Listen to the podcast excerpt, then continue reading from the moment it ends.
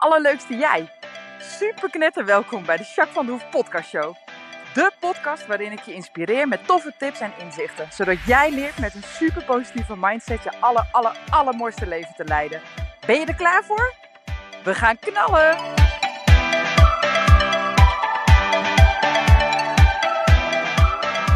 Hey, hey, hey, allerleukste jij. Super mega welkom bij de nieuwe podcast. Podcast 92. Superleuk. Hey, ehm, nou eens even kijken. Ja, met mij gaat het lekker. Eh, zoals je weet ligt het boek bij de drukker. Dus ik ben eventjes, eh, nou ja, wat dat betreft hoeft niet zoveel te doen. Dacht ik. Is niet zo. Ben volop bezig met de lancering. Echt superleuk. Ehm, er komen heel veel dingen bij kijken. Ik heb zelfs muziek geregeld. En nou ja, ik ben een beetje een speech aan het bedenken van wat ik dan wil zeggen allemaal. En mijn PowerPoint uh, nou ja, heb ik in basis klaar. Nou, dat soort dingen. Echt superleuk om te doen. Ook de locatie, uh, de catering. Van die kleine dingen die allemaal even geregeld moeten worden, weet je. Maar het is wel echt heel leuk hoor. Dit is wel echt mijn ding. Hier hou ik heel erg van. Ik heb wel een hele fijne ceremoniemeester, Janne. Die is echt briljant. Dus dat is wel echt heel fijn. Die helpt me goed. En uh, ja, echt superleuk. Dus uh, helemaal cool.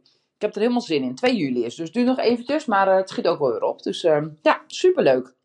Nou, verder had ik afgelopen week natuurlijk een wedstrijd. Had ik je verteld. Um, nou, paard helemaal voor elkaar. En nou, helemaal voor elkaar is niet waar. Maar wel klaar genoeg om een, om een, een keer op concours te gaan. Ook omdat dit paard best wel snel een beetje spanning opbouwt.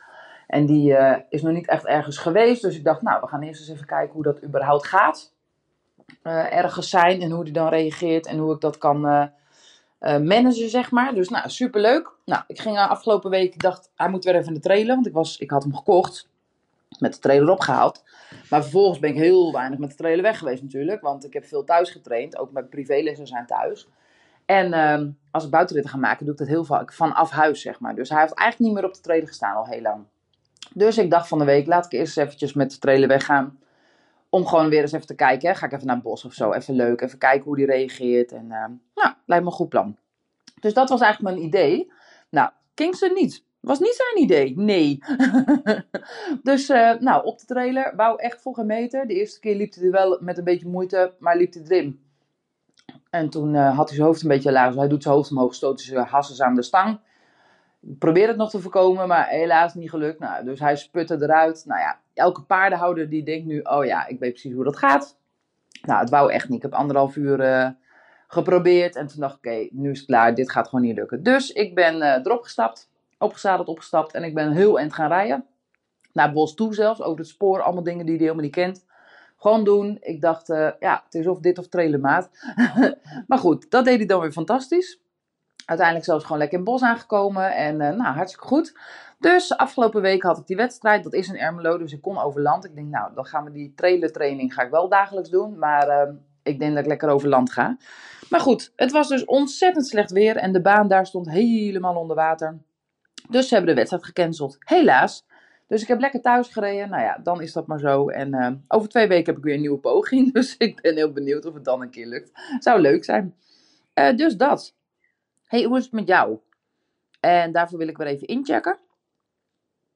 Kom maar even aan in het nu.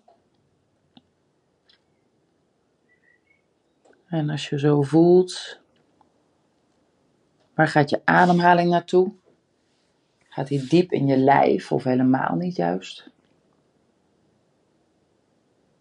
Daar ben ik heel benieuwd naar.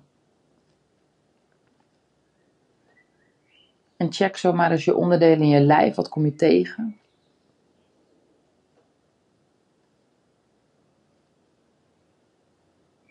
Je voeten en je benen.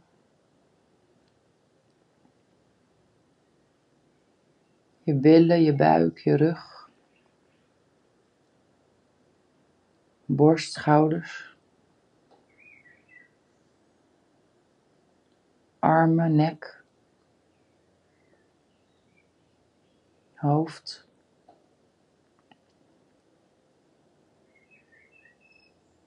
Voel maar eens gewoon wat er gebeurt.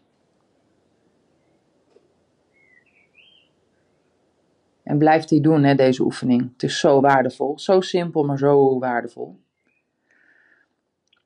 Hey, ik ga naar het hoogtepuntje van de week. Um, nou, echt superleuk, want vorige week had ik natuurlijk ook mijn hoogtepuntje gedeeld. En toen had ik gevraagd um, aan jou van joh, als je het leuk vindt. Ik vind het echt super leuk om te horen wat jouw hoogtepuntje is. En ehm, ja, wat jij uh, meemaakt in je leven. Dat vind ik super leuk om te horen. En dat krijg ik ook regelmatig te horen. Vooral van klanten die uh, bij mij komen, bijvoorbeeld in de podcast luisteren. Uh, maar ook wel eens via een pb'tje of via een WhatsApp of mail. Nou, en nou van de week, toen kreeg, daar was ik zo blij om. Toen kreeg ik een superleuke app van ehm, Dorine, Dorine van den Berg. Superleuke vrouw. Zij heeft dit jaar de hengstenkalender van mij overgekocht. Hartstikke tof, er is een volle bak mee bezig. En nu was haar hoogtepuntje, die meldde ze. Dat vond ik zo leuk, dus daarom deel ik hem lekker. Um, ze heeft gewoon een aantal echt super gave hengsten van, nou ja, ik denk wel de, nou ja, een van de top hengstenhouders in Nederland. En ook verder buiten, maar goed, hij woont in Nederland.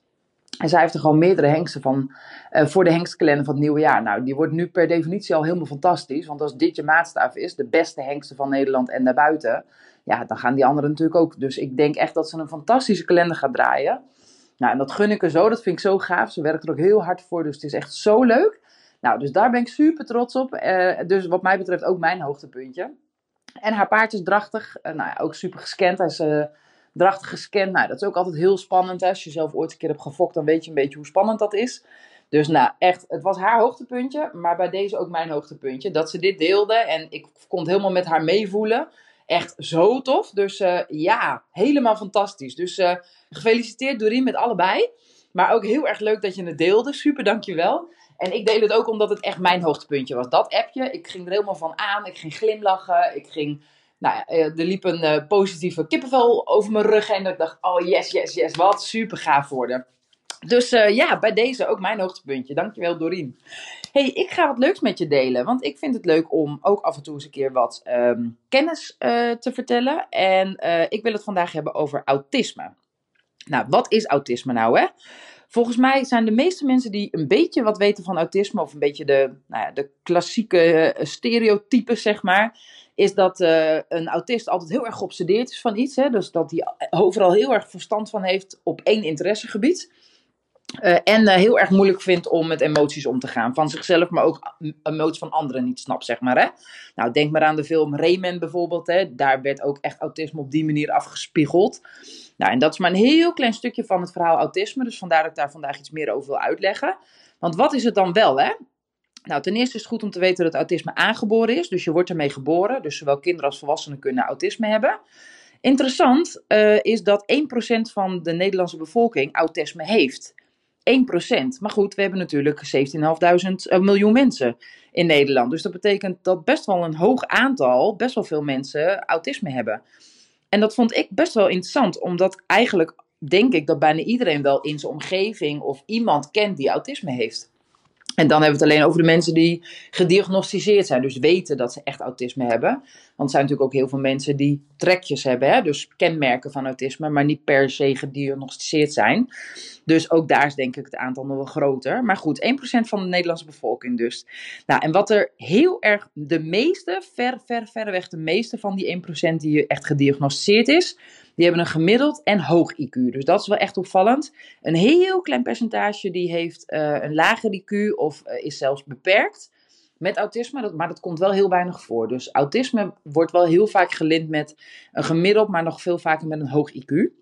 Nou ja, autisme is er in veel uh, verschillende vormen. Ik denk dat dat wel heel belangrijk is. Maar het gemene deel is denk ik wel een beetje de sociale communicatie. Dat uh, uh, over het algemeen mensen met autisme het lastiger vinden om sociaal te communiceren.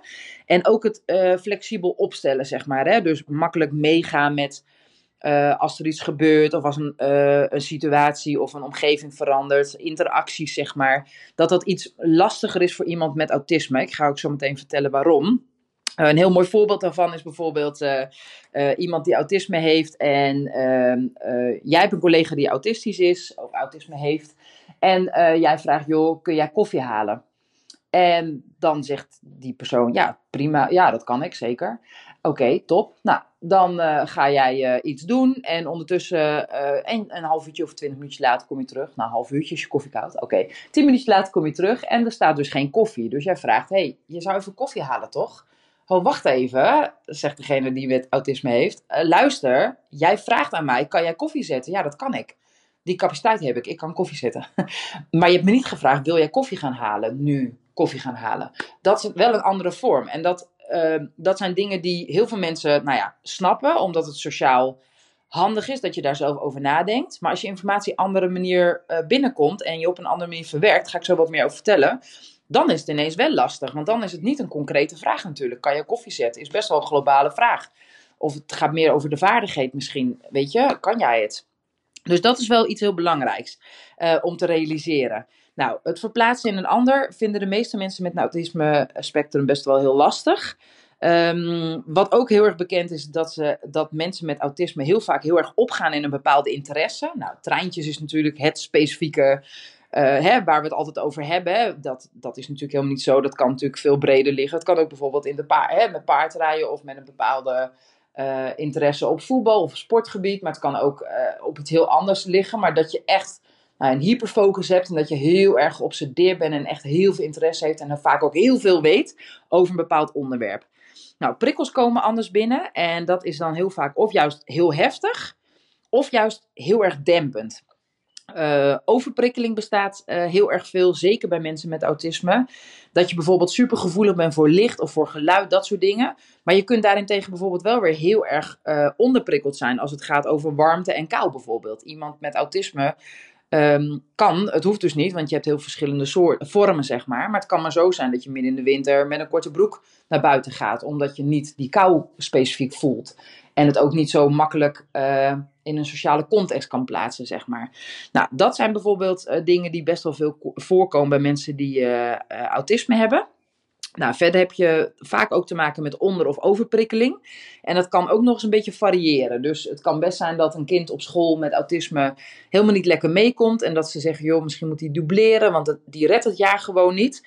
Terwijl als het een moeilijke taakje zou zijn, dus we gaan juist wel omhoog of we gaan het kind meer uitdagen, dat het dan juist door, door de juiste prikkeling wel ineens heel veel tot stand komt en dat het ineens heel erg goed lukt. En dat heeft alles te maken met onder- en overprikkeling, die toch echt wel anders loopt bij mensen met autisme over het algemeen dan met andere mensen. Nou ja, wat eigenlijk de, het allerbelangrijkste is om te weten, dat is dat informatie echt op een andere manier binnenkomt. En dus ook op een andere manier verwerkt wordt. Nou, dat is denk ik het allerbelangrijkste om te weten. Er zijn ook heel veel sterke kanten. Het is ook heel uh, mooi. Mensen met autisme hebben vaak heel veel sterke kanten. Een van de dingen die heel, heel erg veel voorkomen zijn dat mensen met autisme heel erg veel oog voor detail hebben. Maar ook bijvoorbeeld patronen heel erg uh, snel zien en ontdekken. Uh, kunnen heel goed een hyperfocus hebben. Over het algemeen zijn de meeste mensen met autisme hartstikke analytisch. Dus die denken echt overal echt over na. Nou, dat maakt iemand heel erg eerlijk meestal. Maar ook super betrouwbaar. Hè? Denk maar aan het maken van afspraken of uh, planning. Ja, dat is voor de meeste mensen met autisme. Ik zeg niet allemaal, hè, want ook daar zitten weer heel veel gradaties in. Maar voor de meeste mensen met autisme is dat heel erg goed te doen. Omdat het heel duidelijk is. Um, en mensen dat ook over het algemeen fijn vinden om zich daaraan te houden. En ook van jou verwachten dat jij je daaraan houdt. Ook dat is interessant, hè? Nou, de DSM, dat is eigenlijk uh, het meetinstrument uh, waar wij uh, diagnostisch onderzoek mee doen hier in Nederland. die past wel elke keer aan. En dat is grappig om te zien dat we dus steeds meer dingen leren over autisme. Vroeger waren er echt uh, types. Uh, je had Asperger, was bijvoorbeeld een type autisme. Uh, PDD-NOS, ken je misschien wel, is ook echt een heel erg getypeerd stukje autisme. Nu worden eigenlijk alle mensen die kenmerken van autisme hebben, worden eigenlijk geschaald onder één noemer. En dat is autisme, autisme autistisch spectrum stoornis. En daarin heb je dus heel veel gradaties. Dus zo zie je dat het steeds meer ontwikkelt. Hè? Nou, en ik heb uh, een mooie podcast geluisterd, nu ook weer van iemand met autisme, die dan ook dit verhaal uitlegde. Maar ik ben ook heel erg fan van uh, Vera Helleman, die ook autisme heeft, maar ook emoties onder andere onder woorden brengt vanuit het autisme spectrum. Heel interessant. Echt iemand om ook eens een keer te volgen als je dit uh, heel erg interessant vindt. Nou, en die zeggen eigenlijk allemaal ook, joh, weet je, iedereen met autisme werkt weer een beetje anders. En hoe beter jij jezelf leert kennen en hoe beter jij de hulp inzet die nodig is, maar ook gewoon de dingen zelf kan en dan ook doet en daar vertrouwen in hebt, op een gegeven moment krijg je gewoon eigenlijk een beetje je eigen bijsluiter. En als je die weet, je gebruiksaanwijzing en je kunt mensen zo installeren en je eigen leven zoveel vormgeven dat je, nou ja, dat je eigenlijk gewoon mooi aansluit op jouw eigen uh, gebruiksaanwijzing. Nou, dan kunnen de meeste mensen met autisme spectrum heel erg goed lekker functioneren in het leven. En tuurlijk zul je wat dingen tegenkomen, maar goed, ik denk dat dat voor iedereen geldt. Dus het ligt wel heel erg aan aan welke vorm van autisme je hebt en hoe zich dat dan uit, hè, openbaart bij jou. Maar over het algemeen kunnen de meeste mensen, zeker door de jaren heen, uh, zo ontwikkelen dat ze behoorlijk goed kunnen functioneren in de maatschappij. Nou, dat vond ik wel eens leuk om te delen. Uh, als je dit leuk vindt, een mooi onderwerp vindt, ik kan nog veel meer over nou ja, verschillende soorten stoornissen en uh, kern ontwikkelingen, et cetera, um, vertellen. dus als je het leuk vindt, wil ik dat wel vaker doen. Nou, mocht je hier een vraag over hebben, over autisme. Ik ben niet gespecialiseerd in autisme, maar wel veel mee te maken gehad in de jeugdzorg. Maar ook daarnaast weet ik wel best wel het een en ander van autisme. Um, dus mocht je, het, mocht je een vraag hebben, kan ik met je meedenken. Dus laat het alsjeblieft weten. En mocht je zeggen, joh, ik wil wel meer weten over een bepaald thema. Of over een bepaald uh, stoornis bijvoorbeeld. Of, nou, laat het dan ook weten. Want ik wil daar de aankomende tijd ook wat meer aandacht aan besteden. Want dat vind ik gewoon super leuk om te doen. Oké? Nou, ik hoop dat je hier wat uit hebt gehaald. Ik hoop dat je er wat van geleerd hebt. Um, ik hoop ook dat als je zelf uh, autist, uh, autisme hebt uh, of iemand kent met autisme, dat je er nu ietsjes meer van weet. Of dat je hier echt letterlijk wat aan hebt gehad. En uh, nou, ik spreek je volgende week. Dankjewel voor het luisteren. Doei doei!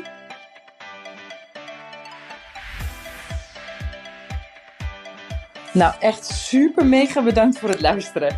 Hopelijk heb je er heel veel aan gehad. En weet je, elk inzicht wat je krijgt is de één. En dat kan al super waardevol zijn. Wil je nou meer inspiratie? Of wil je door mij gecoacht worden om jouw issues om te draaien tot een kracht en zo je echt de aller, allermooiste leven te gaan leiden? Nou, kijk dan op www.myimperium.nl of volg me op Facebook, My Imperium, of Instagram, Jacques van der Hoef. Nou, en tot slot, deel alsjeblieft deze podcast met alle mensen waarvan jij denkt, oh, misschien is dit waardevol voor die persoon. Want zo help je mij onwijs mijn bereik te vergroten.